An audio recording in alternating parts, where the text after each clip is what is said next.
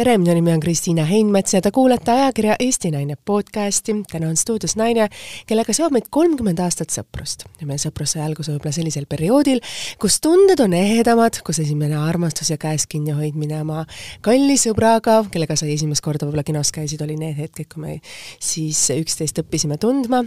tema oma sõbraga, mina oma sõbraga tolleaegsega. ja need õhtud, kui me veetsime koos, kus siis me, meid kutsuti perekonniti külla, siis mul jäid alati meelde tema juures viibitud õhtud, kus tema ema ja isa hoidsid üksteist nii hästi, see armastus nende vahel oli alati näha, kuidas nad toetasid üksteist, kui ilusti nad katsid meile kui noortele selle ilusa laua ja need õunakoogid, mida sinu ema küpses, vot see maits, see maitse ei lähe mul küll kunagi suust ära. aga tegelikult see, miks, miks ma selle naise täna kutsusin, on hoopis tõsisem, hoopis sellisem, mida ma arvasin, et me kolmkümmend aastat äh, noorte tüdrukutena arvasime võib-olla kunagi sellist, sellega ei peaks kokku puutuma, aga me kunagi ei tea, millal eluks on varus meil nurga taga kas nii head või halba, aga naistena ja emadena tuleb meil hakkama saada siin elus kõigega. ja tema on teinud elus läbi midagi sellist, mida ma arvan, et me keegi tahaks isegi oma kõige suuremale vaenlasele südames soovida või isegi mõtetes oleks midagi sellist, mida me ei tee mida me ei tahaks teha. aga temal on tulnud sellega hakkama saada ja neid inimesi ja neid emasid, kes on pidanud sellega seisma silmitsi, on olnud kahjuks palju, nii Eestis kui ka seda on ka üle maailma. ja novembrikuu on just tegelikult see kuu, kus Eestis on kõige rohkem selliseid asju, kus päikest on vähe, inimestel ei ole tujus kõige positiivsem ja selline depressiivne, depressiivsus on see, mis poeb vaikselt hinge ja isegi kui me tundmata ja teadmata mingil hetkel avastame, et võib-olla, kus me vajaksime abi. ja võib-olla, võib-olla, võime olla ka olukorras, kus me näeme, et meie lapsed vajaksid abi, aga me ei oska võib-olla seda neile pakkuda. sest alles mõni hetk või mõni aeg tagasi tegelikult vapustas ju Eestimaad selline uudis, et noor lapsnäitleja Liisa Koppel võttis endast, võttis endalt elu alles kaheksateistkümnendal eluaastal. miks ta seda tegi, jääb kindlasti teadmatuks paljudele ja ka selguseks kindlasti ka tema perekonnale. ja seesama naine, kes on täna stuudios, ka tema on pidanud elama emana sellise hetke, kus Liisa Koppeliga samas filmis osalenud poiss oli tema poeg, kes mõned aastad tagasi tegi samasuguse pöördumatu otsuse, nagu tegi Liisa Koppel sellel aastal ja see ongi võib-olla see asi, millest me tahaks täna siin rääkida. ja see naine on kirjutanud oma Facebooki lehel endast ühe väga-väga ilusa lause ja ma võib-olla teeksingi sellega sissejuhatuse, et tere tulemast ja kasutan sinu sõna, ma olen jumala laps, Betsi naine ja kahe imearmsa poja ema. tere tulemast, Eivika Aasamets-Ainla! tere! Aitäh, et sa leidsid aega siia tulla, me salvestame seda saadet sellise koroonapesa keskmes, tegelikult kui me vaatame, kui palju lähikontaktseid meie ümber on, nii et selles suhtes suur aitäh, et sa tulid siia stuudiosse, paljud inimesed hoiavad koju ja ei taha kuskil väljas käia. ja loomulikult ma tean, et sul on ka pikad tööpäevad, nii et me salvestamegi seda väga pimedas stuudios siin. nii et aitäh sulle veel kord, aga hakkame siis pihta oma tänase vestlusega, mis on veidi teistmoodi.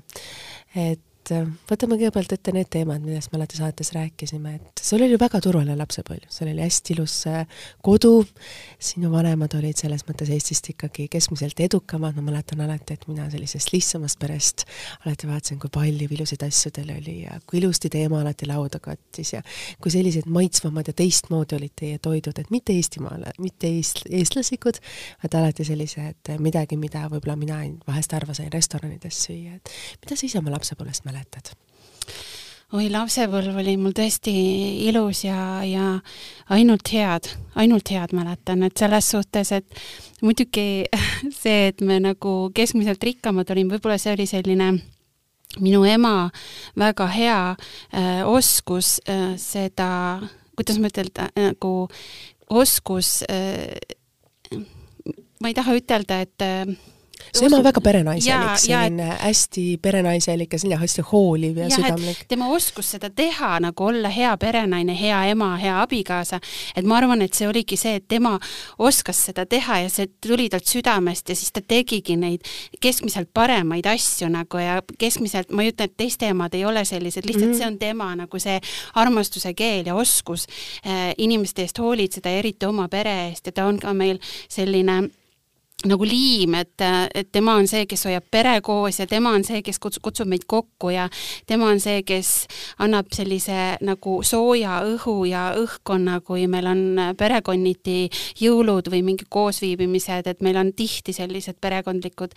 siiamaani. aga nüüd lapsepõlv tõesti, mul tegelikult oli hästi tore, et mu vanemad on ikka veel abielus, nad on olnud nelikümmend viis aastat abielus, õnnelikus abielus ja ma olen selle üle hästi uhke, sest sest et äh, see, äh, see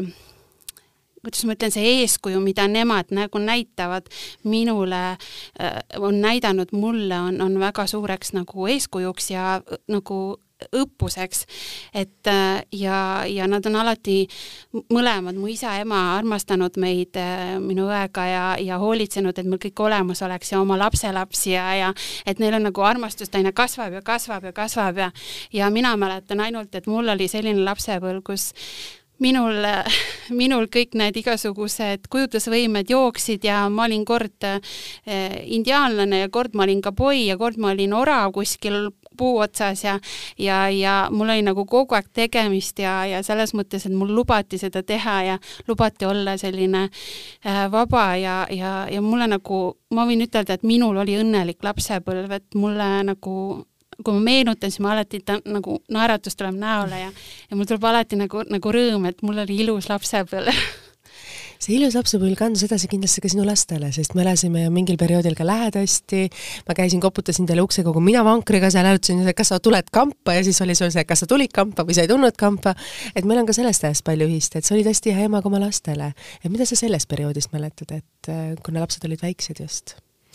Ja mina sain emaks, kui ma olin kakskümmend üks tegelikult. hästi noorelt. ja noh, tegelikult ütleme nõukogude ajal see ei olegi nii noor, eks ju, aga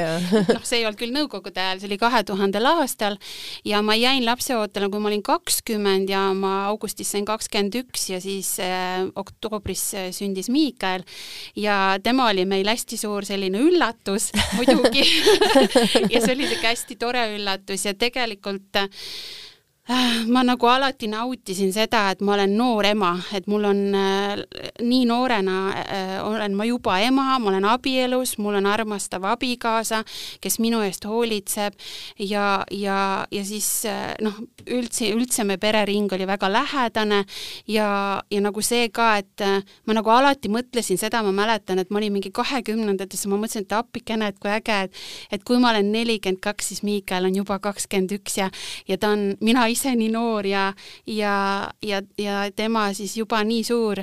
noormees, aga jah, et äh, tänaseks ma olen nelikümmend kaks, see august ma sain ja kahjuks Miikal kakskümmend üks ei saanud aga, aga selles mõttes ma alati nagu siis mõtlesin enda kahekümnendates, kui Miikal veel oli väikene, et ma mõtlesin alati nii suure uhkusega seda nagu, et et kui äge mul on, et ja ma teadsin kohe, et ma saan poiste vanemateks, et mul tulevad pojad. Ja ma teadsin, mis nimeks panna, sest Peeter oli see, kes mu abikaasa siis oli see, kes ütles, et kuule, mis sa arvad, kui paneks poegade nimeks äh, need? Ja mulle nagu väga meeldis Miikael ja Gabriel, et nad on ka peainglid äh, piiblist ja, ja mulle nagu ala, oli kohe see, et muidugi, mulle meeldib. Et äh, jah, et emana ma väga nautisin seda aega, just see, et selle aja tegi ka väga nauditavaks just see, nagu ma ütlesin, et mul oli väga armast- või on väga armastav abikaasa juba sel ajal, kuigi ta oli ise väga noor ka et aga mul oli vanaema ja ema, kes meid kõrvalt väga palju ja isa, kes meid nagu aitasid ja Annika, mu õde kes nagu oma, oma elukaaslasega ka meid toetasid ja meil oli alati niimoodi, et Miikalil oli alati hoidja olemas. et, et noh, vahepeal ta muidugi oli niimoodi nii palju hoidjaid, et ta läks nagu vahepeal kuskil kaduma ja siis oli nagu okei okay,, kus Miikal on, kes vaatab et niisugune paras Itaalia perekond nagu, aga, aga me saime alati hoitud ja mul oli alati turvaline küsida oma vanemate käest, et mis teha või kuidas teha või ja me nagu selles mõttes mul oli alati selline turvatunne olemas ja ma arvan, et ma ma andsin seda turvatunnet, annan ka edasi oma noh, andsin edasi oma lastele ja, ja, ja et, et see on nagu see, mis, mis nagu, et pere on tähtis ja alati võib minu juurde tulla rääkima ja, ja alati ma olen, püüan olemas olla ja ilma hinnanguteta. kui sa mõtled nüüd nagu tagasi, et äh, elu pani sulle sellise asja, et sa pidid sellest üle saama ja sellega nagu silmitsi olema, et ei saa küsida sellist küsimust, et mida oleks võinud teha teisiti, ei ole võimalik midagi teis-, teisiti teha olnud, et see oli lihtsalt saatus võib-olla, me kunagi ei oska seda ette näha, mis võib meid elus nagu ees oodata. kas sa mõtled nagu tagasi sellele, et Miikal oli tegelikult ju keskmisest tublim laps, ta oli targem laps, ta oli edukas, ta oli ääretult aktiivne, populaarne, kõik need asjad kokku, et kust see nagu, see asi nagu tuli, et väliselt oli ju ta ju kõige perfektsem, kõige imelisem poeg, nagu sa ise ütlesid, sa olid alati tema üle uhke jaa, ei no eks ütleme nüüd ähm, noh, Miikali surmast on kolm aastat ja reedel saab siis äh, kolm kuud äh, möödas ja ja, ja siis nagu noh, ütleme siia nüüd selleks ajaks ma olen äh, endaga nagu rahu teinud selles osas, et me ei saa kunagi teada, mis tegelikult mm -hmm. nagu, kust see tuli sisse. et aga nagu tagantjärgi ma olen võtnud Miikali mineku ja kõige selle äh, üksipulki tegelikult osadeks ja mhm. pannud mm -hmm. endale kokku sellisel viisil, et ma äh, aktsepteerin seda olukorda või aktsepteerin Miikali minekut äh, sellisel kujul, nagu ta on, et minna edasi oma eluga ja olla ise veel äh, õnnelik selles suhtes ja nautida aega oma olemasoleva perega ja, ja, ja kes minu ümber on jäänud. aga kuidas noh, me võime ainult oletada, et äh, mina olen võrrelnud äh, depressiooni kui kui, kui vähki tegelikult, et äh, vähk tuleb ka ju perekonda, kus me tegelikult, võib inimene olla väga tervislik ja väga, väga nagu hoolitsetud ja väga, väga kõik on hästi perekonnas, aga lapsel tuleb vähk näiteks või, või, või kellelgi teisel, et et mina arvan, et haigus on haigus ja haigus ei vaata, mis on seisus, mis on pere olukord ja mis on, mis nii edasi on. ja et et mina nimetan, et depressioon on nagu nähtamatu vähk, mis, mis tegelikult on, me alahindame väga tihti seda, eriti kui me ei näe nagu seda, me ei näe sümptomeid niimoodi, me ei näe selliseid obvious sünt-, sümptomeid, nagu vähiga võib näha, et vähiga me noh, tehakse äh, röntgen ja vaadatakse, siin on vähk ja tema siirded on seal ja seal ja tal on nii palju aega elada veel või siis on ravi selline, selline, siis depressiooniga tegelikult esiteks inimesed üritavad enda, kes depressioonis on äh, ja ma nägin Miikali puhul tagantjärgi nüüd analüüsides mm, -hmm. sel mhm. hetkes nagu tundus, et aa, see on teismeiga või tavaline teismelise ta, mured ja, ja asjad, et selline väike tujukus. jah, et niisugune tujukus ja heitlused ja, ja, ja noh, jah, ma näen, et tal on väga raske ja siis me nagu tegelesime, ta käis psühholoogi juures ja, ja siis tal läks see üle ja, ja siis noh, kõik sellised asjad, et me nagu tegelesime sellega, aga, aga depressiooniga ongi see, et sa ei näe nagu seda, et millal on see lõpp siis, millal on nagu enough is enough, et millal enam inimene ei jaksa, eriti noor, noh, meie oma elutarkuses näiteks suudame ennast veenda, eks ju, et noh, tegelikult ju me otsime abi ja nii, aga ütleme, seitsmeteistaastane, kui tal on ikkagi väga kehva olla kogu aeg, siis ja mingid, äh, mingisugused äh, Äh, asjad nagu lähevad veel kehvemini, näiteks armastusega või, või ar-, noh, tüdruk, keda väga-väga nagu, kellest hoolid või armastad, äh, noh, juhtub midagi selles suhtes, siis see tundub nagu äh,, nagu mingi mitmetuhandekordne nagu löök tegelikult ja ütleme, kui on juba pinnas selline äh, habras, siis, siis see otsus äh, teha nagu midagi nii nagu kardinaalset. just lõplikku, et äh, ta ei mõtle seda niimoodi tõenäoliselt, äh, see noor inimene enam läbi, et ta arvab, ta tahab lihtsalt sellest valust lahti saada, sest Miikal tegelikult tahtis elada, tal olid unistused, et ta tahtis autojuhi load äh, teha ja ta tahtis road trip'ile minna venna ja sõpradega ja ta tahtis eraldi elama minna sõbrannaga ja et ta tahtis režissööriks saada ja tal oli tegelikult nagu nii palju unistusi reisida ja kõik sellised asjad, aga, aga lihtsalt ongi, et see hetk võib-olla selles öös, kus ta oli nagu, et olidki need paanikahood ja ärevushood tuli ja ja üks mõte viis teiseni ja et nagu, nagu mina ütlen alati seda, et kuri nagu mängis no nurka et ja siis ta nagu võib-olla oligi, et tekibki sihuke afektiseisund, kus enam inimene ei, ei vali, et aa, mul on ju ema, kes mind armastab või et ta nagu mõtlebki ma ei oska ütelda, mis ta mõtleb, ma ei hakka siin nagu oletama, aga lihtsalt nagu ongi niisugune afektiseisund, kus, kus tundub, et see on ainuke võimalus pääseda. kui keeruline on sellise, kuidas öelda, olukord on kõrvalt näha, sest sa ütlesid, depressioon, see ei paista ju välja tegelikult. me ei saa arugi sellest emana, me ei oskagi seda ju mõista, sest ka meie ei ole ju sellega mõnes mõttes kokku puutunud võib-olla, et ajastu, kui me üles kasvasime, siis ei olnud selliseid asju võimalik, et oli vaja ellu jääda. sa pidid mõtlema sellega, et kuidas sa suudad elementaarseid asju endale lubada või asju, sest noh, kui me tänapäeval vaatame, siis meil on ka väga palju ühiskondlikku survet. ja noh, arvestades, et Miikal oli ju tegelikult lapsnäitleja, ta oli ikkagi populaarsusest, keskmisest kindlasti paljugi rohkem, kuidas hinnatum või paljugi rohkem tähelepanu keskmised. kas sa oled vahest mõelnud võib-olla, et äh, liiga noorelt liiga hea olla võib tekitada nagu sellist äh, viimase sammu tekitamist, et sa võib-olla mõtled, aga kuhu edasi mm.? et kui sa oled nagu liiga hea liiga noorelt juba? jaa, äh, ma olen mõtelnud selle peale küll, et vahel ma mõtlengi, et kas võis olla see, noh, mitte film iseenesest, kui ta seal äh, Valge daami äh, saladus ja väikelinna detektiivides äh, näitles, et äh, siis tuligi tal väga tugev populaarsus just äh, tüdrukute seas ja ta väga nautis seda, et et need pildid, mis ma nagu siis vaatan, mis ta on teinud endast või tehtud, tal silm säras ja ja see oli selline väga nagu kõrge minek äh, selles suhtes, et ta oli väga-väga nagu, ta ei olnud uhke, vaid ta oli nagu liigutatud, et tal silm säras ja tal oli, ta mõtles, etki elu on ta ees valla ja kõik on võimalik, et kui ma juba siin, kui ma juba praegult filmis äh, näitlen aga ma arvan, et see ongi see, et mida me ei mõista, ongi see, et äh, kui tuleb selline hästi tugev nagu sihuke kõrgseis, siis on nagu alati, me teame täiskasvanutena, et on langus mm. -hmm. ja iga langus ei tähenda veel, et see langus jääb, et iga mm -hmm. langusele tuleb tõus ja, ja mm -hmm. niimoodi me läheme edasi oma tarkusega, eks ju. see on elu. see on elu just ja, ja me peamegi nagu sellest aru saama, et isegi kui meil on hea olla praegult või et rõõm südames, siis me peame teadma seda, et, et mingi hetk tuleb langus ja me peame selleks valmis olema emotsionaalselt ja igatpidi, aga noor inimene ei ole selleks valmis. ja mina kui emana tegelikult ei olnud ka ise kõrval äh, valmis selleks, ma ei tea, mis no ilmselgelt ja, ei ole me emana valmis ja. selliseks asjaks. et ja siis oligi, et nagu tuligi see nagu madalseis esimene armastus ja esimesed äh,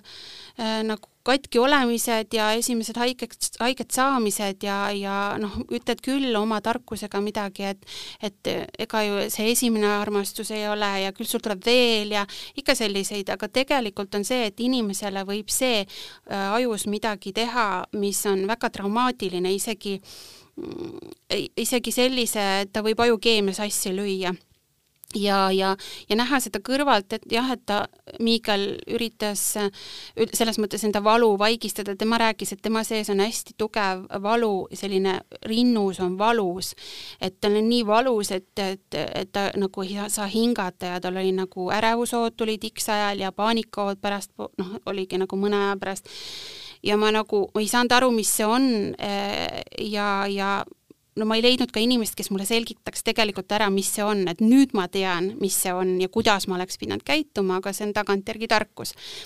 et aga lihtsalt oligi nagu see, et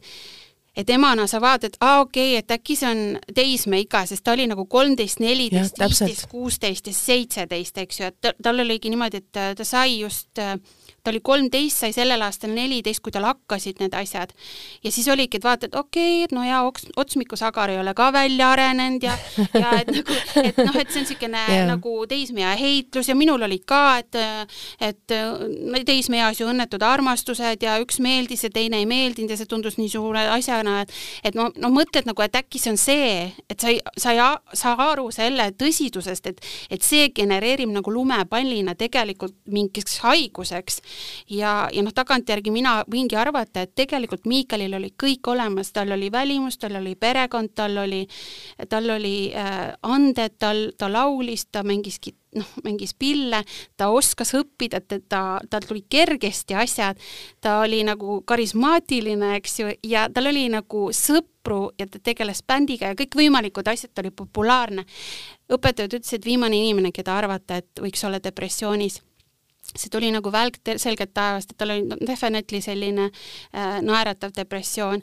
ja siis oli pumm, äkki selline asi, et kõigil oli, oota, mis nüüd juhtus nagu, et kõik arvavad, et depressioonis inimesed on need, kes tõmbavad ennast nurka kuskile, enam kunagi välja ei taha oma kodunt tulla. et kui ta tegutseb, et siis on okei. Okay.. tegelikult on see vastupidi, et see võib olla ka naeratav depressioon, mida sa ütlesid, mida me ei oska isegi arvata seda. Just, ja see ei ole fake imine, et ta ei tee, ta ei, ta üritab endal ka tujud nagu tõsta selles suhtes, et et, et, et ta üritab nagu endal ja ta ütlebki, et mul on kõik hästi, aga tegelikult tal ei pruugi olla, aga ta lihtsalt ütleb seda sellepärast, et ise tunda, et et mul on tegelikult hästi, et ennast veenda ja siis ta mõtleb, annab mulle ka impulsi, et tal, tal on hästi ja siis, siis emana mõtledki, noh, ju siis tal on hästi, aga sa ei mõtle niimoodi, et emana, et ah, äkki ta nüüd sureb ära või äkki ta nüüd sureb ära, et me ei saa niisuguse hirmuga ju kogu aeg elada. me ei tulegi selle peale, et sellist asja võiks peale. sinu laps ju teha, just eriti olukorras, kus nagu teil ongi kõik su perekond ümber, et kuigi justkui peaks olema kõik eeldused loodud selleks, et laps saaks hästi kasvada. just, ja siis ongi, et ja siis, sest et nagu nüüd ma nagu olen aru saanud, aa okei okay,, sellised variandid on ka depressioonil olemas, et aa, et inimene võib lihtsalt nagu sellises nunnus armsas perekeskkonnas ka põdeda depressiooni või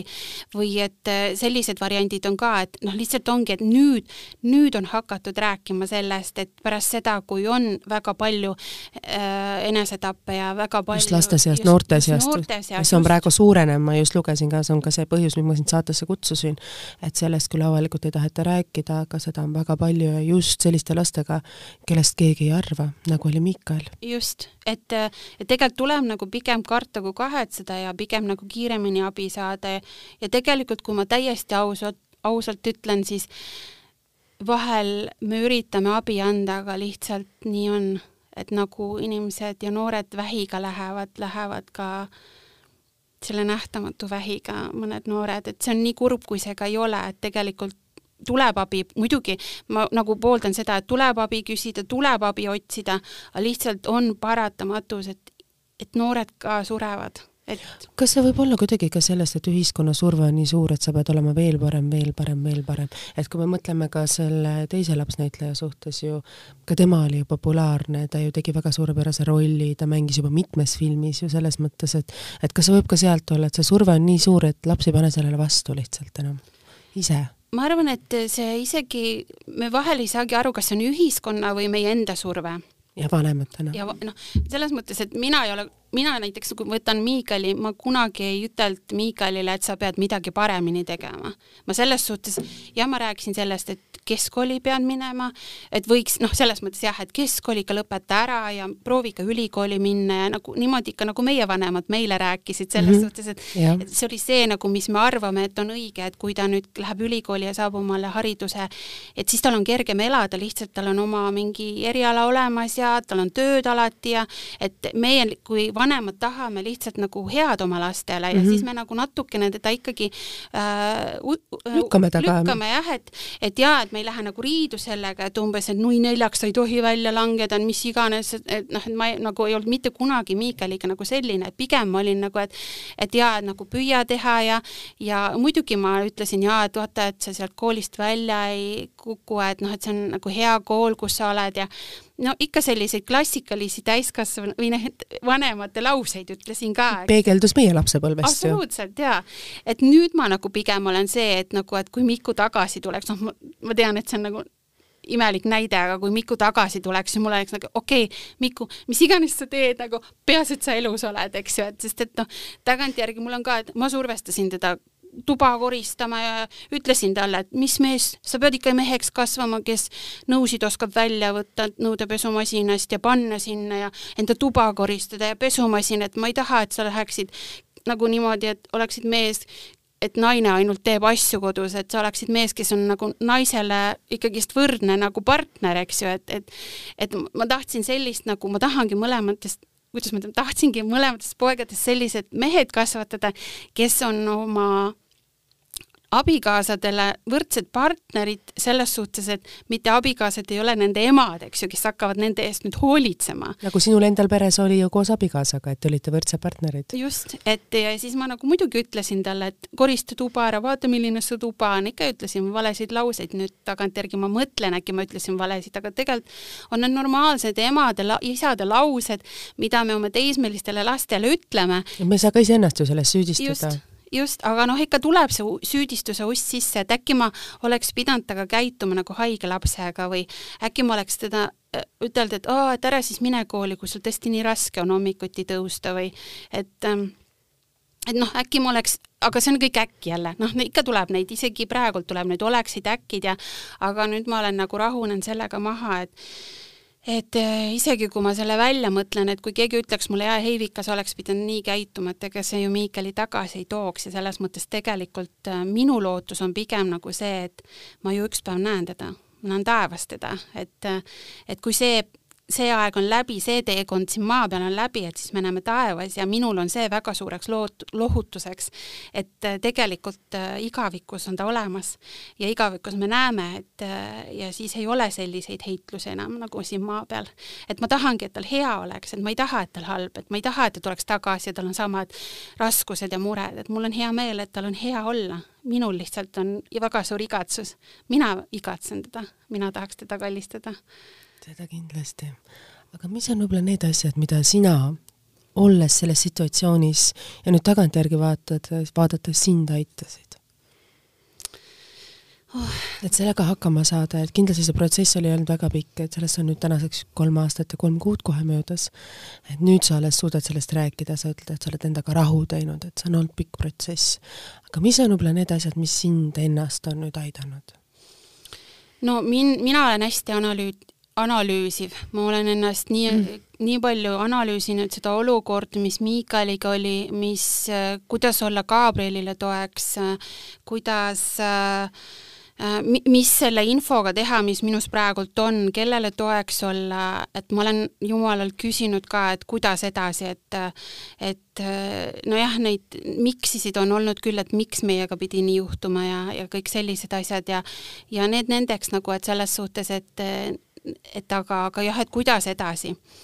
Ja, ja tegel... kuidas sa ise sellele küsimusele vastaksid, sest ma arvan, et äh, neid inimesi, kes neid seda saadet küsivad, võib-olla päris palju, kas neil on endal see olukord või on nendel tulnud selline kurb sündmus läbi elada, kas neid haiguseid on ju väga palju erinevaid, et jätta hüvasti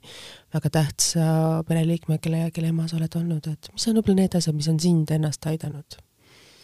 no mind on aidanud hästi palju äh, usk noh, selles suhtes, et ma ei saa kedagi ütelda, et hakake nüüd kohe uskuma Jumalat, äh, aga mina juba uskusin enne ja mina olen äh, Te olete ju kristlik perede ka ju tegelikult. pere, jah, et me oleme kakskümmend, mina olen kakskümmend aastat olnud äh, kristlane äh, ja, ja tege-, noh, ütleme siis, et see teadmine, et Jumal äh, piibel ütleb ka, et kui Jeesus läks taevasse, siis, äh, siis ta ütles, et ma jätan teile lohutaja vaimu ehk püha vaimu. ja mina olen tundnud seda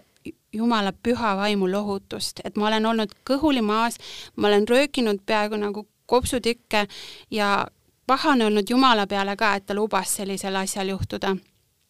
aga me teame, et me ei ole ideaalses maailmas ja asjad juhtuvad, halvad asjad juhtuvad sest Jumal ei valitse seda maailma, aga eh, ja siis ma olen palunud ka, eh, ma olen ütelnud ka Jumalale, et ma annan sulle andeks, et, eh, et sa lubasid sellel juhtuda. et ja ma usaldan sind ja, ja ma olen tundnud seda, et kuidas ma olen nutnud niimoodi, et mul on rinnus valu ja, ja mul roh-, mul on nagu valus olla, nuttes füüsiliselt, siis ma nagu tunnen seda, et ma, ma tunnen, et kuidas Jumala püha vaim on tulnud ja lohutanud. ja just sellega, mis mind on aidanud, ongi see, et ma tean, et ma näen Jumal- või ma jään, näen Miikali jälle tulevikus, igavikus ja teine asi on see ka, et mina soovitan kõigil inimestel, kellega on selline asi juhtunud, kes on kaotanud oma lapse ükskõik mis moel, kas õnnetuse, haiguse või, või mingi muu asja tõttu, siis rääkida sellest. kui sa räägid välja valu, see on sama hea, kui sa puhastad haava. sa pead haavast puhastama selle mäda ära, et sinna saaks äh, tulla asemele tervendav vaim või tervendav äh, salv e, panna asemele, et ta saaks terveneda, sest et äh, pahaks läinud haava ei saa tervendada ja mina ütlen, et äh, tuleb rääkida, leida inimesed, kes kuulavad, mida rohkem sa endast seda äh, sappi ja haigus, haiget saamist ja, ja ebaõiglust ja miks sa jagasid välja räägid, seda rohkem mina tunnen, kuidas mina tervenen. Ja teine asi on muidugi see, et endale aega anda, et äh, kindlasti teada seda, et kurb on okei okay olla, nutta on okei. Okay., ma nii tänan Jumalat, et ta on andnud meile nutmise nutmine on nagu nii tervendav ja mis äh, mis kindlasti nagu, kui ei saa, kui ei saa tõesti sellega, noh, ütleme, mida leinanõustajad räägivad ka, et meil on, leinavalu on nii äh, laialivalguv valu, meil on üks suur valu, eks ju, selle äh, nagu selle laua peal, ütleme, meie sees, et me peame hakkama mõtestama, et mis on see valu, mis, mis, mis täpsemalt mulle haiget teeb. ja kui mina mõtestasin endale seda, et minule teeb haiget see, et ma ei saa Miikaliga enam koos elada ma ei näe enam teda kasvamas, ma ei näe teda meheks sirgumas, ma ei näe tema lapsi kunagi, ma ei näe tema abikaasat kunagi. ma ei näe mitte kunagi nagu seda, kelleks Miikal oleks saanud, et, et ma, ma ei näe mitte kunagi, ei saa elada nendes unistustes, mida ma tookord unistasin, kuidas me koos elame ja kuidas me nagu nalja koos teeme ja ja mind aitab väga palju Gabriel, Gabriel ja Peeter, minu perekond, kellega me hoiame kokku, me saame rääkida Miikalist et ma ei kujutaks ette, kui me ei saaks rääkida Miikaelist. Või siis see oli ka kindlasti ju omamoodi etapp, et te saaksite kolmekesi omavahel rääkida sellest just, teemast. et sina abikaasaga on üks asi, aga Miikali noorem vend Gabriel, kes siis tänaseks vist on ka juba kaheksateist. kuusteist on. kuusteist jah, mhm, et ja. et ka temaga ju mõnes mõttes rääkida vennast, et see võib olla ka natuke valus ja keeruline ka tema jaoks, sest tema jaoks oli ta ju suur iidol ja suur vend absoluutselt. ja mis ongi nagu, et esiteks ta on väga suureks minu nagu tervenduseks, et ma näen teda kasvamas ja näen teda hakkama saamas, siis ja see, et ta lihtsalt on kodus, ta ei pea mitte midagi tegema, ta lihtsalt on kodus, on juba mulle nii suureks rõõmuks. kellel nüüd vanematel ei ole rohkem lapsi, et noh, siis ongi nagu see, et et noh, minul on samamoodi, ma ei saa mõtestada oma elu Gabrielile, et nüüd on Gabriel mu unistus. ma olen näinud seda, et me ei saa panna unistusi lastele. et ma pean mõtestama, ma ei ole veel jõudnud, Kristiina, sinna nagu, et kuidas mõtestada, kuidas unistada edasi, et mis on minu unistused veel. et äh, aga ma, ma usun, et ma olen jõudmas sinna, aga lihtsalt praegult on minu äh, eesmärk see, et ma saaks hommikuti voodist ülesse, et ma käiks tööl, et ma, et ma hoolitseksin enda eest. ja et... see on veel ikka kolm aastat pärast äh, kõike seda kurbust. absoluutselt ja ma tahan ütelda, tegelikult äh, see on väga suur müüt, kus öeldakse, et äh, leinast saadakse üle. leinast ei saada üle, leinaga õpitakse elama et sa õpid, sa ise kasvad selle ümber, sa õpid ja kasvad selle ümber teistsuguseks inimeseks ja sa leinad mitte ainult oma last või lähedast, sa leinad iseennast ka, kes sa enne olid, sa ei ole enam, noh, ma ei ole sama inimene, kes ma olin enne. ma mõtestan elu hoopis teistmoodi, ma, ma tunnen rõõmu asjadest hoopis teistmoodi praegult, et, et minu jaoks on mingid asjad hoopis rohkem pakuvad rõõmu kui mõnele inimesele, kes ei ole kaotanud oma last. et ja ma tean seda, et ma ei saa panna oma rõõmu kellegi inimese peale, näiteks Peetri peale või Gabrieli peale või vanemate peale, sest ma näen, et elu on kaduv, inimesed lähevad meie kõrvalt ära ja me me, me peame nagu mõtestama, et kes olen mina ja kes kelleks on Jumal või miks on Jumal mind siia maailma pannud ja mis ta tahab, et ma teeksin siin maa peal. et peale selle, et ma olen Gabrieli Miikali ema, peale selle, et ma olen Peetri abikaasa, peale selle, miks ta on pannud veel mind siia maa peale, miks ta on mind kellele ma veel abiks pean olema ja ma tunnen nagu sellega, et see lein see igatsus, Miikali igatsus, mis on, et ma saan olla, ma mäletan seda lihtsalt, kui Miikal suri, ma guugeldasin, et kedagigi näha, mõnda vanemat, milline ta välja näeb, kes on kaotanud oma lapse sellisel kujul. läbi suitsiidi. et ma tahan näha, kas ta suudab veel naeratada. ma tahtsin nii näha seda inimese pilti ja ma ei leidnud mitte kuskilt ja siis ma nagu leidsin äh, Travoltade mingi loo, kus nad kaotasid oma lapse küll haiguse tõttu, mitte läbi suitsiidi ja ma nägin seda, Kelly vist on selle äh, Travolta naine, eks ju, ja tema mingit äh, punase vaiba üritust, kus ta oli meigitud, tal oli soeng tehtud, ta oli ilusasti riides ja ta naeratas. ma ei tea, mis ta sees toimus, aga ma nägin, et ta suutis veel meikida,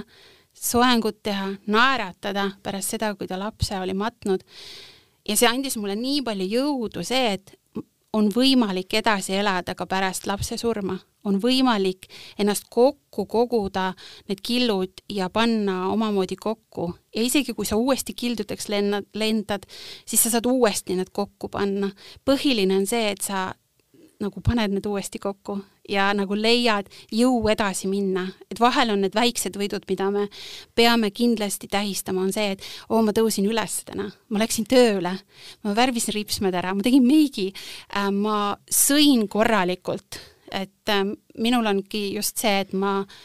oma valu peidan väga palju, mitte ei peida, vaid äh, lõhutan äh, toiduga ja ma ei suuda liigutada ja see on natuke selline ennasthävitav tegevus, aga lihtsalt ongi nagu see, et need väiksed võidud, et ma, ma kõndisin trepist ülesse või et ma, ma jõin vett või ma võtan vitamiine või noh, sellised väiksed võidud, et me ei, ei tohi olla endaga karm me ei saa võrrelda ennast teiste inimestega, kelle eludes on, ei ole sellist, sellist nagu traumat olnud. Et, et mina lihtsalt ütlen, et iseendas leida nagu need väiksed võidud ja, ja püüda mõtelda ennast nagu järgmisse aastasse. ja ma ütlen, et see valu, see terav valu, mis me kogeme lapse surmaga, see tuhmistub, aga sellega tuleb tegeleda, selles mõttes, et et see valu muundub, ta ei ole enam nii terav, ta on olemas, ta on kuklas mul kogu aeg, mu laps on surnud, aga, aga, aga, aga ma nagu ikkagi leian nagu selle, et ta nagu, ma saan elada, ma saan rõõmu tunda, ma saan nalja teha ikka, et ma ei tunne enam süüdi ennast, et kui ma nalja teen või naeran või peol olen kuskil ja räägin kellegagi mingit äh, nalju või et äh, mingi hetk ma tundsin väga tugevat süüd, et ma nagu, kuidas ma siin naeran, kui mu laps on surnud, et aga aga nüüd ma nagu see kevad tundsin minu jaoks just see koroona, see lockdown oli natuke haavade limpsimise või noh, kuidas ma ütlen, haavade ravimise aeg, et ma, mul oli, mul oli hea kodus olla, ma sain oma haavadega tegeleda. Ja, ja siis see nagu, see oli selline aeg, kus ma sain väga palju mõtestada ennast, et kuidas ma edasi tahan minna, et millele ma keskendun ja ma otsustasingi, et mitte noh, ma otsustasin, et ma, ma tähistan neid väikseid võite ja ma kindlasti tahan edasi elada, ma tahan kindlasti olla inimestele olemas et.... sa, sa ütlesid praegu, et sa tahad kindlasti edasi elada. kas sul olid ka teised mõtted? mul ei ole suitsiidseid mõtteid olnud, selliseid mul ei ole. mul on olnud mõtteid, et ma, ma olen nii väsinud nendest tunnete virvarrist, et ma tahaks, tahaks poja juurde? ma tahaks magama jääda, ma tahaks lihtsalt jääda magama ja mitte kunagi ärgata sellised tunded on küll olnud, aga ma kohe siis tuleb mul silme ette Gabriel ja ma kohe otsustasin, ei, jumal, cancel, cancel ma ei taha magama jääda. ma ei, ma selles mõttes, et ma ei taha ära surra, et ma tahan olla Gabrielil olemas, ma tahan, et ma lihtsalt tahan, et Gabriel ei peaks kaotama peale venna veel ema. et see on minu selline, mis paneb mind äh, käima ja, ja et, et ma ei taha surra tegelikult, ma tahan olla olemas oma perel. ma ei taha teha seda nagu, et neil uus valu tuleb peale, et kindlasti mitte. et ma pigem kannatan seda oma tuima valu või seda, et ja ma tean, et see muutub, sest et ma tean, et see, mis ma praegult tunnen äh,, ei jää, see muutub aastatega, et äh, ja ma nagu eks siis näeb nagu, mis edasi tuleb, lihtsalt hetkel ma olen, vahel on nagu selline tunne nagu ookeanil ook,, ookeani peal purjetamine, et vahel on sile vesi ja päike särab ja tore on ja tuul on kihvt ja purjetadki mõnusalt seal. Ja siis tuleb mingi suur hiidlaine ja lööb su ümber niimoodi, et äh, vigastused võivad olla väga suured. ja siis jälle tuleb ilus ilm. Et äh, nende ilusate ilmade nimel ma nagu lähen edasi, sest ma tean, et pärast igat äh, rasket hetke tuleb ka hea hetk. iga torm vaibub. just just, ja teab, noh, ma ütlen ka, et, et peab teadma seda, et eh, torm, torm vaibub, aga torm tuleb uuesti, aga me oleme siis tugevamad ja me oleme rohkem valmis selleks. et eh, me oleme valmistunud selles, selleks tormiks, ei ole üllatus enam meie jaoks. et minu jaoks ei olegi nii, et ma tean, et eh, mingid hetked on, kus on Miikali surma-aastapäev või Miikali sünnipäev või jõulud või või üldse on väga nagu sellised tähtpäevad, kus me koos istume ja Miikali koht on tühi siis, siis on need äh, sellised mõrumagusad het-, noh, hetked nagu, et et aga, aga lihtsalt nagu lubadagi endale aktsepteerida, et see ongi kurb ja aga aktsepteerida ka seda, et äh, midagi ei ole teha, et me ei saa muuta enam mitte midagi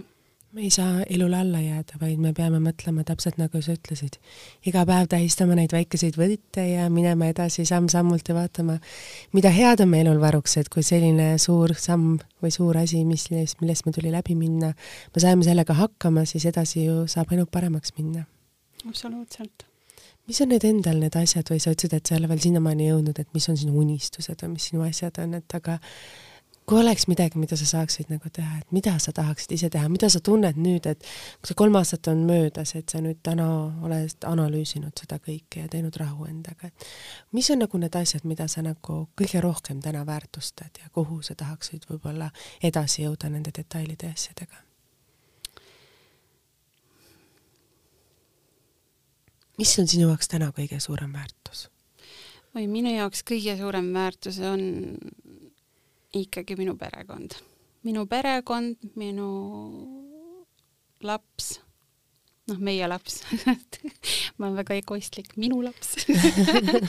Ei, tegelikult meie laps, et äh, minu perekond äh,, minu tervis ähm,,